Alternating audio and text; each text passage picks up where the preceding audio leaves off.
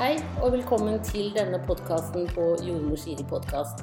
I dag har jeg med meg psykolog, spesialist og forsker Bente Sommerfeldt, som jobber ved Villa Sult og holder på å ta doktorgrad på mammakroppene. Det handler om spiseforstyrrelse i svangerskapet og i barseltiden. Og denne forskningen støttes av Norske kvinners sanitetsforening. Velkommen til deg, Bente. Takk. Det er jo en kjempeviktig jobb du gjør. Ja, det tenker jeg også at det er. Ja. Ehm, dette er et eh, tema som jeg tenker vi har altfor lite fokus på, men som vi ser at det er et behov for både det å forstå mer, og ikke minst at vi som hjelpere skal bli bedre på å hjelpe. Mm, og det trengs, altså. Mm. nå er jeg utdanna jordmor for kjempelenge siden men aldri lært noe om det. Eh, og det er jo sånn som vi sier at babyen får alltid det den trenger og, og sånn, men det gjør den jo faktisk ikke. Nei, det, altså, dette er jo litt sånn sikkert omdiskutert, men jeg tenker at med en person som har et problematisk forhold til mat og kropp, så kan en sånn type utsagn tolkes feil. Ja, ikke sant? Mm. Eh, og, og nå har jeg lest meg litt mer opp siden sist, også på det der med at eh, en kvalme kan være velkommen. Da får man en god unnskyldning for å kaste opp gjennom graviditeten. Men hva skjer Det var veldig sånn rølpete sagt av meg. Men altså, det er sånn der, det der, det der hvordan det sklir inn og ut i hverandre, da. Ja, og jeg tenker jo at um, Vi har jo snakket litt om graviditeten før, Mm. men det er klart at det er veldig mye som kanskje for noen er en naturlig del av et svangerskap eller tiden etterpå, men som for andre kan bli veldig problematisk. Ja. Og alt fra kvalme til eh, endring i kropp, til endring i mat, til en god del endringer i livet sitt. Da. Mm, mm. Det er en kjempeomveltning. Ja, det er, og det er vanskelig å forestille seg før man er i det selv. Ja, det er definitivt av Ja. de tingene som må oppleves. Det er kanskje fint at ikke vi kan forestille oss alt. Ja, og jeg tror også det sånn sett så er jo dette her med amming og sånn, da skiller du ut hormonet oksytocin, som gjør at du glemmer. Eh, og det gjør man jo i store doser når man føder også, sånn at Mm. eh, de fleste av oss glemmer jo ganske mye av den tiden. Eh, rett, særlig rett etter at barnet er født, da, hvor det går unna med amming og lite søvn og, og hele pakka. Men, eh, men det er helt opplagt, det er en viktig tid. Og, for de som sliter med mat, da, så, så kan det jo ikke være enkelt i det hele tatt. Nei, jeg tenker jo at eh, vi må begynne å bli bedre til å spørre etter Ja, hvordan eh, mor faktisk har det. ja, Eh, fordi vi tenker jo at vi kanskje har blitt bedre til å spørre etter. Men eh, jeg tror vi kan bli bedre på det. ja, ikke sant? Eh, fordi det handler litt om å tørre å spørre også. Ja. Og det tenker jeg det er så bra med det prosjektet dere gjør nå, da, at da, da vil det jo også kunne være noe å tilby. For det er noe med det der at når man spør etter vanskelige ting, og så har man ikke noe å stille opp med.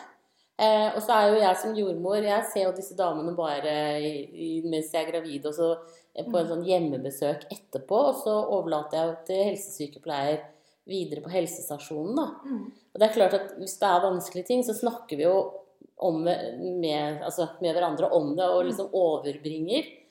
Men, men, Men det er la det er ikke sikkert at jeg har oppdaga det, da. Nei, det er ikke sikkert vi har spurt etter. Eh, Jeg tenker jo at f.eks.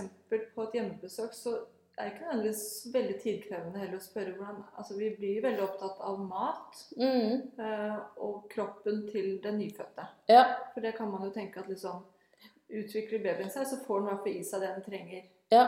Mm, Om det er amming eller om det er eh, flaske, da. Mm. Men så glemmer vi alltid å spørre Men får mor i seg det hun skal? Mm. Eh, eller hvordan er forholdet til mammaen? Ja. Eh, fordi det påvirker jo også det er jo En ting er liksom det konkrete maten barnet får, men det påvirker jo også liksom hvilken tilstand er vi når vi ammer, eller når altså, Klarer vi å holde oss selv på beina, på en måte? Mm. Eh, Så jeg tenker at det er jo et enkelt spørsmål selv om hvordan er det med mat og deg om dagen, da? Eller mat og søvn? Vi er jo opptatt av søvn. Det Ja. vi kanskje mer om enn Ja. forholdet til mat. Det er veldig rart, det der. Det snakket vi om sist det Ja. at mat liksom er sånn tabu. Ja, for det er et sånt, ikke sant, mat, altså Tenk på alle de endringene en kropp har Mm. vært gjennom i 40 uker pluss Ja. minus. Og så er det som at Det er vi kanskje litt mer bevisste på under graviditeten. At kroppen skal endre seg, må endre seg. Mm. Eh, og så kommer eh, barseltiden. Ja. Og så glemmer vi litt kroppen til mor. Eh. Vi snakker ikke så mye om dem lenger. Nei, det er mer sånn vi sjekker sting og sånn, ikke sant? Og såre Ja, og så liksom tenker vi at vi bare håper at det meste ordner seg. Mm. Og så begynner vi å fokusere på barnets kropp. Ja. Og barnets vekt og barnets utvikling. Og her er det kanskje vi kan bli litt bedre på å tenke litt begge deler, ikke bare altså den ene eller den andre. Mm. Ja, for, for mor går jo typisk tilbake til fastlegen, egentlig, da, kan du Mm. si, sånn eh, behandlingsmessig. Men jeg tenkte også på sånn Hva, hva ville være liksom de gode tingene som jeg burde si som jordmor i graviditeten for å forberede La oss si at jeg vet at hun er spiseforstyrret, da. Eh, og så forberede henne på tida på barseltiden. Hva, hva ville liksom være bra ting for meg å si da? Altså Grunnen til at jeg driver med forskningsprosjektet Mammakroppen, er jo for at vi skal finne enda mer ut av hva kvinnene selv opplever som nyttig, Ja. og hva de ikke opplever som nyttig. Så det er klart at jeg sitter jo ikke med ett fasesvar og sier at dette skal kunne hjelpe. Eh, Men jeg, jeg tenker at det er veldig viktig at vi er opptatt av at eh, god helse går begge veier. da. At både mor har det bra, og at Mm. barna har det bra. Ja. Eh, og det å spørre litt mer etter liksom dette med amming, f.eks., som Mm. jeg tenker er et sånt første tema, Ja. Um, så er vi nok mer opptatt av liksom å få den puppen inn i munnen, og sånn barnet får i det seg den trenger. Og så tenker vi ikke så mye over alt det følelsesmessige som er knytta rundt. Mm. Eh, Jeg har jo opplevd også liksom det at folk føler seg jo nærmest litt altså sånn at noen av jordmødre og barnepleiere begår overgrep eh, når man liksom tar tak i puppen og stapper den inn i babyen. Ja, det kan hende det er helt uproblematisk. Eh, men at eh, man tenker at liksom, når dette barnet kommer ut, så skal man slippe det. Men man er fortsatt litt på utlån, for da kommer liksom Da skal man plutselig puppene Ja, og så bare det at du ikke får sove og sånne ting. Altså det hele helheten. Du, Ja. du må jo være tilgjengelig tid. med kroppen, da. Ja. Og det er sånn, Jeg var hos noen på hjemmebesøk i dag som, hvor babyen snart er seks uker, og hun var liksom fortsatt sånn overveldet over at liksom babyen vil være hos. da. Mm. Men det varer faktisk så lenge. altså sånn, Det varer faktisk i tolv uker ofte Mm. at babyen gjerne vil være mer eller mindre på kroppen din. Og da, så jeg satt og forberedte meg til å intervjue deg i dag, så tenkte jeg liksom fy søren, når du da har et vanskelig forhold til kroppen Det kan jo hende at noen opplever at det blir en fin måte å forholde seg til kroppen sin på. Ja, Via nærhet med andre, da. eh, Og dette lille barnet som søker nærhet. Så noen kan jo oppleve det som liksom en fin periode også. ja, Eh, Men jeg tror også vi skal liksom bare igjen være litt sånn interessert i hvem, hvem er mammaen. ja, Jeg har kunnet spørre litt etter. Jeg, har snakket med flere mødre nå som eh, forteller litt sånn eh, ting som jeg tenkte sånn Jeg tenkte ikke så tydelig på det, men rundt dette med amming f.eks. Så snakker vi ofte om eh, eh, melken. mm, Eh, fløtemelk. Dette er ren fløte. Yeah. Ja, du har litt eh, tynnere melk, på en måte. Yeah. Så man kanskje må putte på litt erstatning. Og disse typer samtalene kan, kan vekke veldig mye hos mor. ja, Et eksempel var jo Jeg snakket med en i dag som sier at liksom, eh, hun fikk veldig tydelig beskjed hos jordmor at dette barnet her eh, går opp utmerket. mm, Går opp ganske fort. Eh, Så du har mye fløtemelk. ja, Og det trigget umiddelbart en sånn frykt i henne og tenker sånn Jeg gjør mitt barn stor.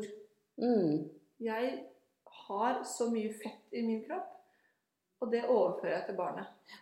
Og det er jo noe man tenker at liksom Oi, mm. det kan komme feil ut, da. Ja, ja, ja, det er ikke det. den som går ut og liksom ikke kommer, Men det er jo også noe med måten du kommenterer på ting. Ja. Og kropper er jo på en måte sånn flytende.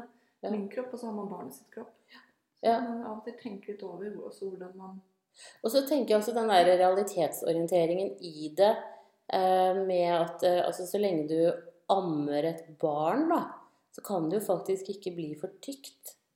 Det går ikke. Altså det er sånn man er, Vi er sånn laga at det går ikke. Uh, men, men det er klart at hvis du tror du bare har fløtemelk og Ja, det tenker jeg det Altså, kan jo si litt om ditt forhold til også kropp Mm, og mm. konkretheten. da. Ja. liksom, fløtemelk betyr at man har Egentlig bare at man har god melk. ikke sant? Det er et kjempekompliment som det er ment som. Men det, Det er blir jo ikke det, det. men noen vil tenke at det, det høres ut som det ikke er ok. Mm, mm. Så det er jo igjen hva slags forhold har man til Ja. hvilken type utsagn. Men um, Det er ikke så lett. Og så endrer jo ting seg også, ikke sant? Ja. Sånn at uh, det, det tenkte jeg litt på sånn også det der med mm, Jeg ser nå at folk er jo veldig opptatt av å veie barnet sitt. Og når vi kommer på barselbesøk, så har jeg med meg vekt én til tre dager etter at de har kommet hjem fra sykehuset. Og det er for å sjekke at det ikke går ned mer enn 10 mm, i kroppsvekt. Ja. Og så kommer helsesykepleier på besøk eh, innen en uke etter meg, stort sett. Og hun har også med seg vekt. Ja. Men da er jo ideen at man ikke skal behøve å gå på helsestasjonen og veie. ikke sant? Du skal få lov å sulle rundt sånn som du vil. Mm. Men så ser jeg jo også at det er jo åpne veiedager eh, på helsestasjonen. da.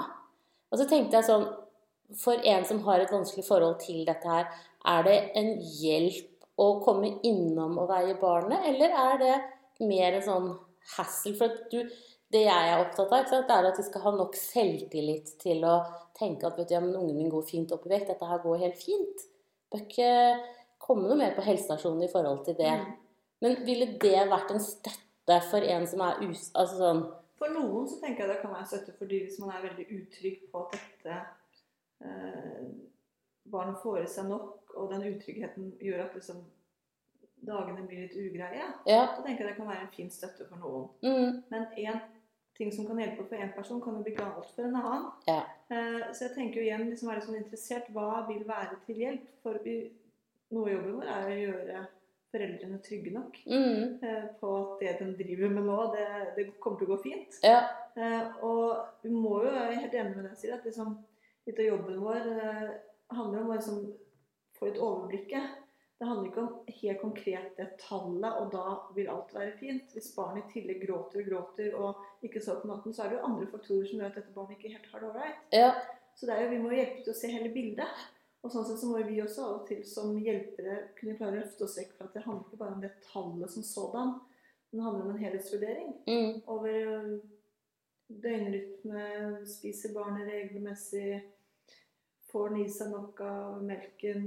ja. Eh, altså Bare det der at de kan bæsje hver 14. dag når de er bare morsmelksernært, er jo også et under... Altså sånn innenfor Ja, normalen. Altså det, er sånn, det er mye som er innenfor normal, egentlig. Så jeg tenker at vi må liksom også kunne klare å av og til hjelpe noen kanskje litt ekstra mye. da, Med å Mm. komme seg vekk fra bare kurvene og rett og galt. Ja. Fordi da blir det fort at liksom, hvis du fullammer, da, som ikke alle gjør Nei. eh, Men hvis man fullammer, så tenker man at man har jo et vanvittig ansvar for at dette barnet skal ernære seg. Mm, I tillegg så skal man ernære seg via på en måte deg, da. ja. Så det er jo mye som kan liksom bevege seg av skyld og skam og en opplevelse av ikke lykkes eller Ja. Mm. Nei, for, det, ja, det er, for det er jo veldig viktig med den derre altså selvtilliten som man da kanskje har som litt mangelvare. Da. mm.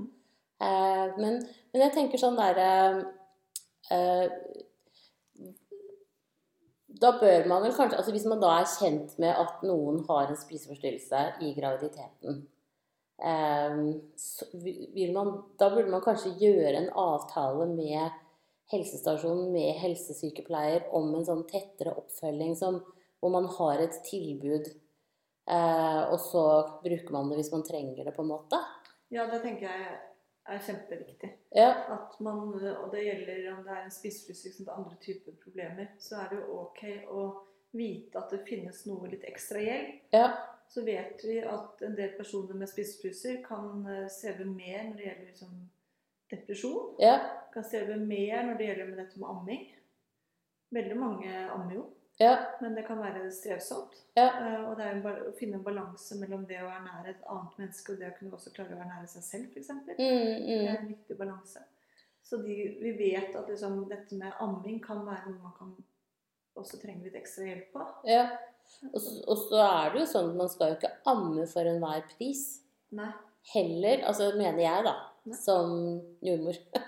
altså jeg mener det skal være, du skal, du skal se det an hvordan funker det. Du skal ikke liksom Det skal være en balanse der, men jeg tenker jo at eh, veldig mange kvinner eller mødre vil, vil jo gjerne prøve det.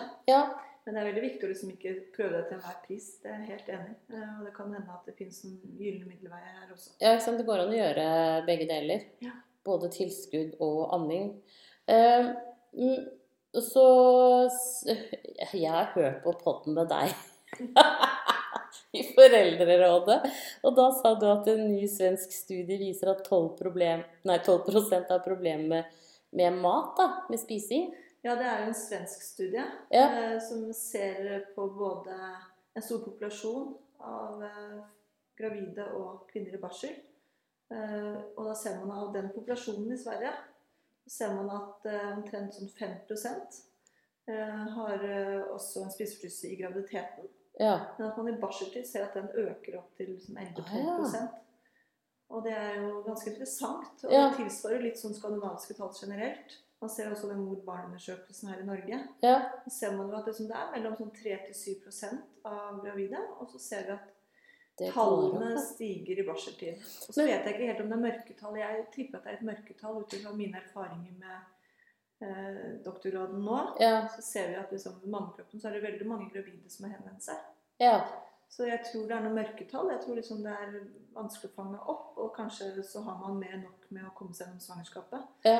Eh, Ja, for det er klart at de som er veldig kvalme og sånn, de, de ser jo ikke land i det hele tatt. Altså, det er jo forferdelig. ja, så er det ikke alltid man tenker at man klarer helt å se at dette er eh, En del av en spiseforstyrrelse? Så er det litt sånn skam og tabu. Man tenker at det, det er litt sånn skambelagt å Mm. nevne det, fordi man tenker jo at det da påfører man også skade på et annet menneske, da. Mm. Men, men vil du si, kan det hende at noen utvikler en spiseforstyrrelse i graviditets- eller barselperioden? det kan også skje. Ja. Eh, at, at man får en debut. Det mest vanlige er jo at man kanskje har hatt noen år hvor man har opplevd å få spiseforstyrrelsen på avstand. Ja. Og så blir man gravid, og så kommer varseltiden, og så kan man se at det igjen er med på å utløse en del av de samme tankemønstrene og uh, atferden som man hadde tidligere når man var syk. Ja. Ja. Så det kan liksom blusse opp igjen. Så det er også en gruppe. Men man ser også at noen kan utvikle et problematisk forhold til kropp og mat i svangerskap og barsel. ja, for jeg tenker liksom sånn der eh, Ja, for du, du, veldig mange blir jo veldig fikserte på det å spise riktig. Eh, ikke sant? Og det er jo det vi får Ja, og det får vi jo veldig mange spørsmål om, da. Eh, noen ganger kan man jo føle seg som et lite leksikon der man sitter. Mm. Men, men, eh, og da tenker jeg at det er jo lett på en måte å da ta litt ut på sidelinjen og, og liksom bli ekstremt fiksert. At, så jeg kan jo se at man kan få det, få det også i den perioden i livet. Og sikkert også kanskje litt fordi det er en sånn stor omveltning i seg selv.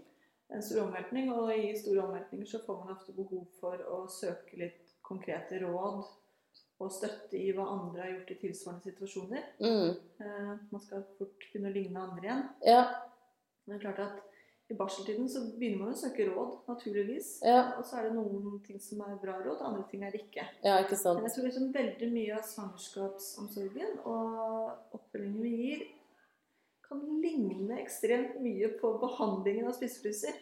Oh, ja. Eh, Hvordan da? At, eh? Altså En spiseforstyrrelse vil man definere ofte som en overopptatthet av mat og kropp og vekt. Ja. Altså at du tenker veldig mye eh, mat, kropp og vekt. Mm.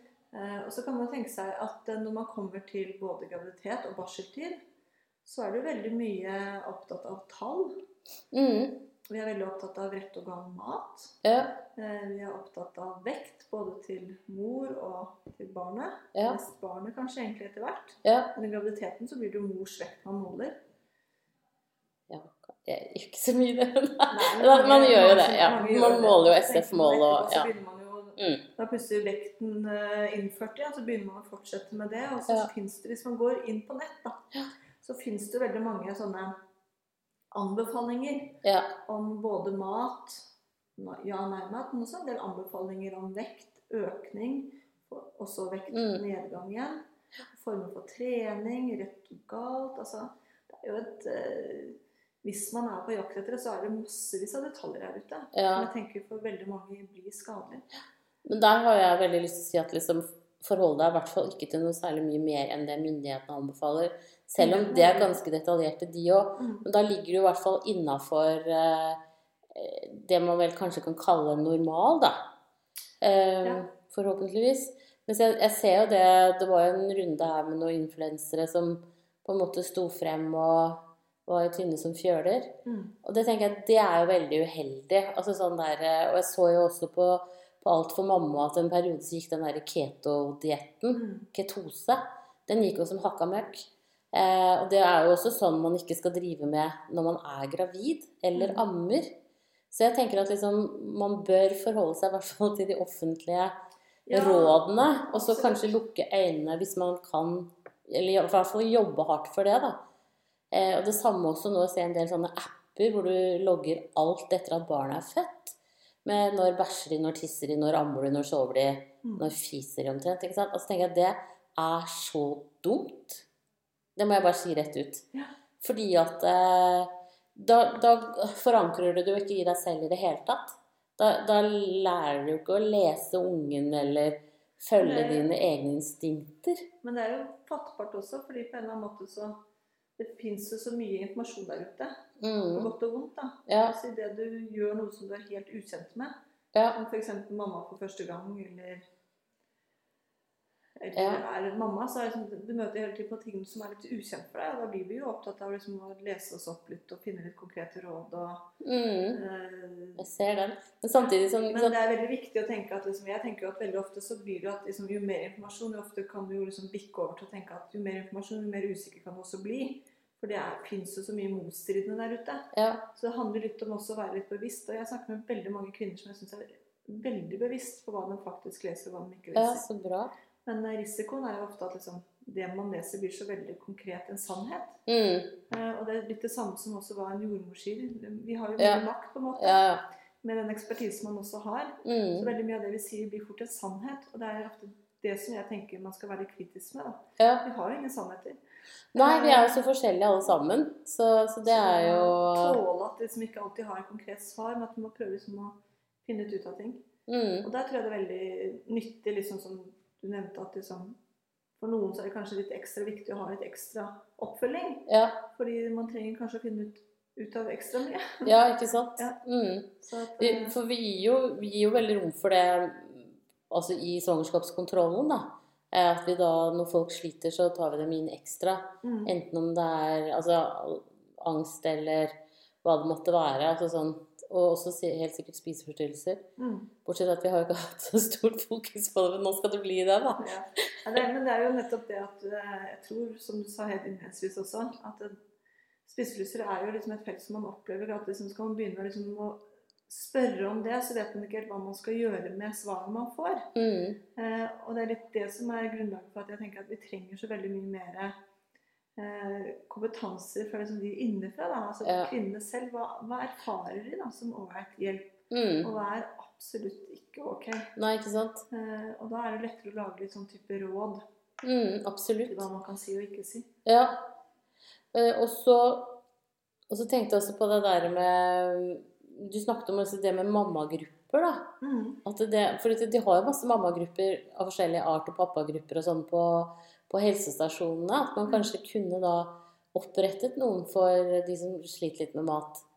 Eh, Det er jo alltid deilig å kunne reklamere for tilbud vi har støtte for. ja, ikke sant? Vi har jo fått støtte eh, av Stiftelsen DAM, som Ja. har laget et samarbeidsprosjekt sammen med Sanitetskvinnene. Ja. på et prosjekt vi kaller Sult baby.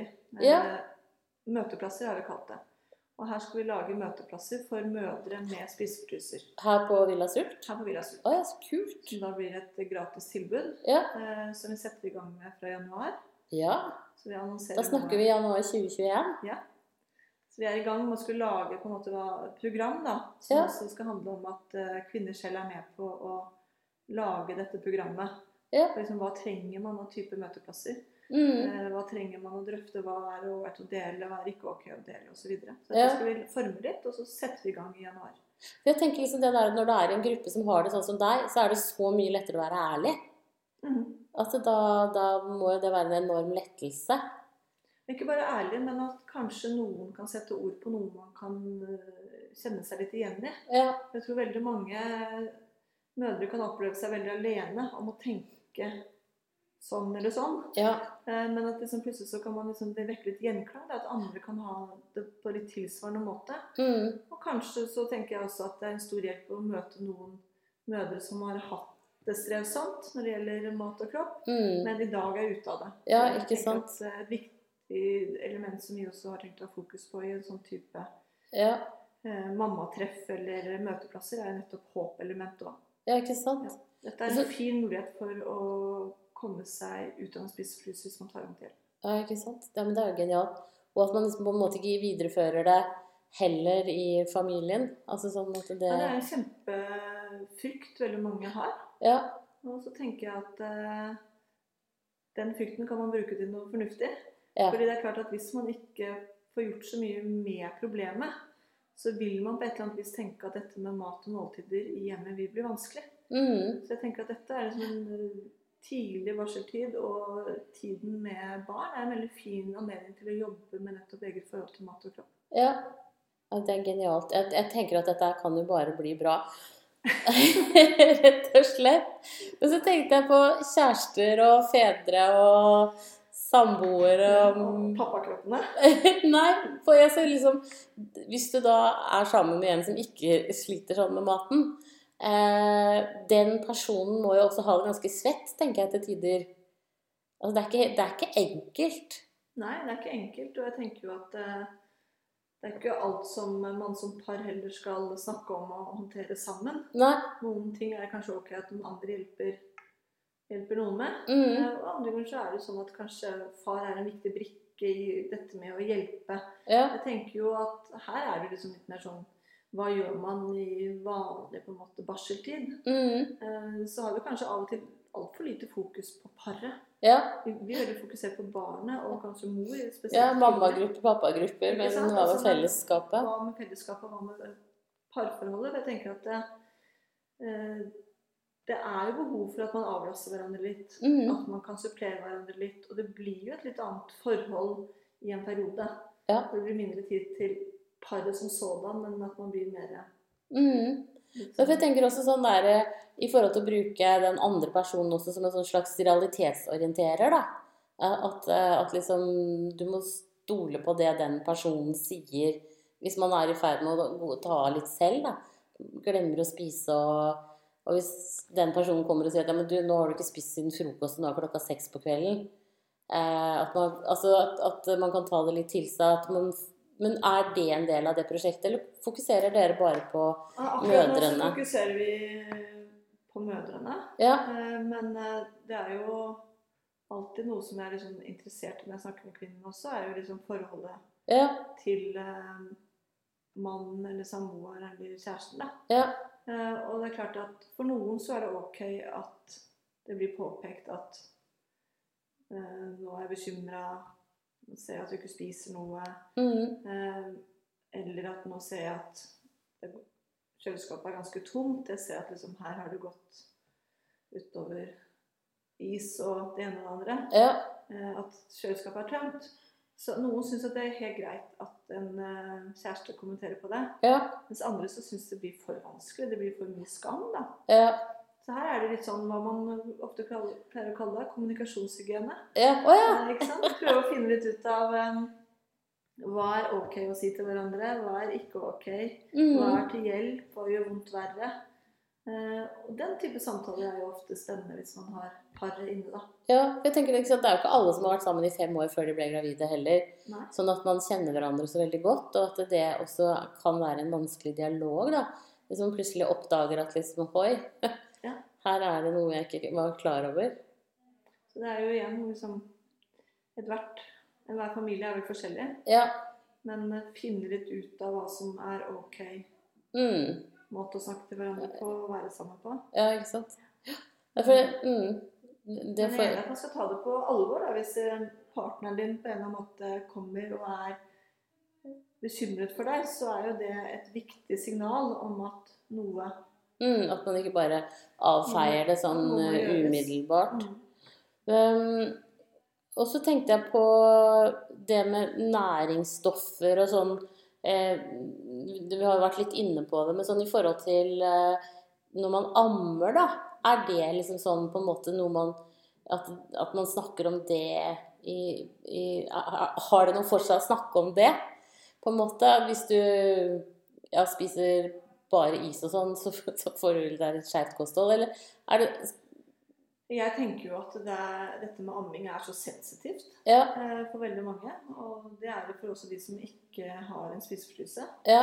Eh, Så her tenker jeg vi må bare finne en balanse på liksom, hvor nyttig er det å ha for detaljfokus, og hva er det vi egentlig tenker er det viktigste. Mm. Eh, Og det er jo å gjøre eh, en mor trygg nok på at de klarer klare å ta vare på barnet sitt. Ja. Eh, Og amming handler jo om at hvis man skal få til amming, så må man jo på en eller annen måte også få til en eller annen form for ro. da. Ja.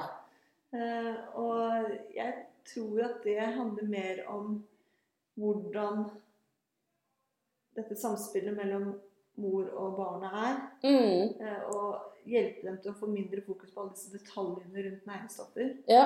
Med mer fokus på samspillet og hvordan det kjennes ut. Ja. Det, det er veldig interessant. Hvordan kjennes det ut når barnet ditt ligger og suger melk ut av, Mm. ut av puppen din? Ja.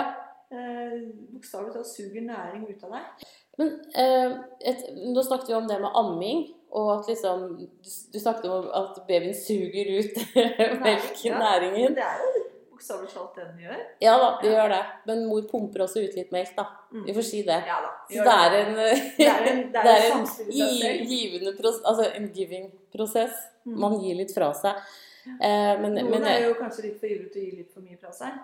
Ja, Eh, ikke sant? Mens andre syns at det er veldig ubehagelig når barnet fester seg, Mm, og hvor man blir veldig støkt i veldig mange timer gjennom et helt døgn. ja. Eh, Det er litt den friheten du snakket om i starten, at liksom man er, har ikke så mye av den Nei. egentiden, fordi barnet er på deg ofte hele tiden. Ja. Og det, og det kan jo gi litt sånne der vanskelige følelser. Ja, jeg tenker at det kan gi mange forskjellige følelser. Jeg tenker at eh, En fortalte meg at liksom, det som er litt frustrerende, da, er jo at når man skal amme og man får til ammingen, Mm, så betyr det at det er mange timer på puppen. Ja. Eh, Det kan hende at man ikke skal ha så mange timer på puppen, men at det blir fort mange timer på puppen i de første ja, de første tolv ukene Ja. så er det jo ganske sterkt. Ja. Så da, hvis man trenger litt space, da, Mm, litt tid uten at man har eh, en annen kropp på seg, ja. så blir det ofte den tiden hvor barnet sover eller skal skifte bleie, eller når man egentlig har et annet samspill eller en annen på en måte nærhet Mm, enn bare via mating. ja. Så og dette tror jeg kanskje mange kvinner syns er litt strevsomt. At det blir sånn den gangen du har kontakt, Mm, det er når du mater. ja. Da må du gjøre noe. Mens liksom leken og kosen, den kommer hos far. Ja, ikke sant. Men mm, Og da kan det også settes i sånn masse følelsessving, tenker jeg. Men man kan jo bli litt frustrert. Man kan bli Man kan jo føle seg litt fanget. Ja, fanget tror jeg er et veldig begrep som veldig mange forteller om. Ja. Ja. Rett og slett at du man er stuck der ganske mange timer. Ja, og det tenker jeg Det, det er jo også Altså det, det er jo en veldig sånn frustrerende følelse. Og man kan jo eh, lett bli litt sinna også. Mm. Så jeg tenker at det, det, det skjer jo alle som ammer og har små barn. Altså man eh, flyr jo flint innimellom. Mm. Eh, men det er vel kanskje det at hvis det tar overhånd, eh, at da er det lurt også å søke litt hjelp. Ja. Og så tenkte jeg på en ting til, eh, og det er at, eh, at hvis, hvis ting blir veldig problematisk, så kan faktisk far sykemeldes. Eh, og at det er nok noe man ikke har vært så veldig flink til å gjøre, vil jeg tro. Mm. Men hvis, hvis du liksom ordentlig får problemer og, og fikser og dårlig å være aleine, så kan far sykemeldes for en periode, sånn at, være, at man kan være sammen, altså hjemme sammen med ungen. da. Mm. Og da kan jo mor få litt avlastning. Da kan mor gå ut en tur, altså gjøre litt bare med sin kropp som er bra for henne, da. Mm. Eh, så det tenker jeg det kan man jo ha med seg. Det er fint å ha med seg. Jeg tror liksom noe av utfordringen ofte er jo at du møter på en del kvinner som tenker at man skal få til. Ja, Eh, Og jeg lager det også til en sånn type eh, Ikke prestisje, men at liksom på en eller annen måte så blir det veldig viktig å få det til riktig. mm, Ikke sant? Det er en sånn kjernetrekk hos mange, den der perfeksjonismen. Ja. Eh, jeg tenker at eh, Så her er det nok, eh, her er nok terskelen høy for å si at dette trenger jeg. Mm. Nå trenger jeg en ekstra hjelp. Ja. Og de kvinner som uh, gjør det, må man jo absolutt uh, uh, gi mye kreditt, kreditt til. Fordi Absolutt. det krever mye mot, og det krever mye liksom Litt trygghet òg, egentlig. Å si at jeg trenger litt mer hjelp. Nå trenger jeg at du er hjemme. Jeg, vet, jeg tenker det er så mye bedre enn å bare kjøre seg helt ned. For da er veien opp så veldig lang. Mm. Så, så det er klart at man går jo litt alene i graviditeten. Da har du jo babyen inni deg.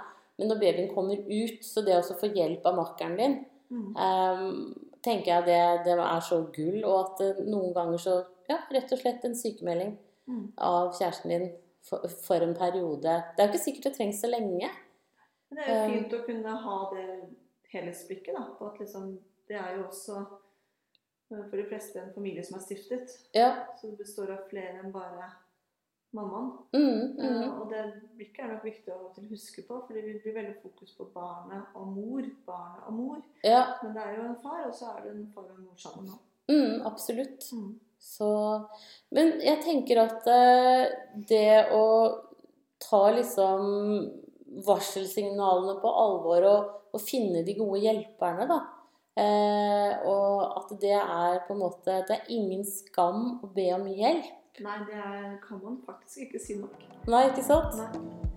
Da sier jeg tusen hjertelig takk til deg. Og så tenker jeg at vi skal prate litt mer etter hvert som prosjektet skrider fremover, og, og at dere gjør dere noen erfaringer og sånn.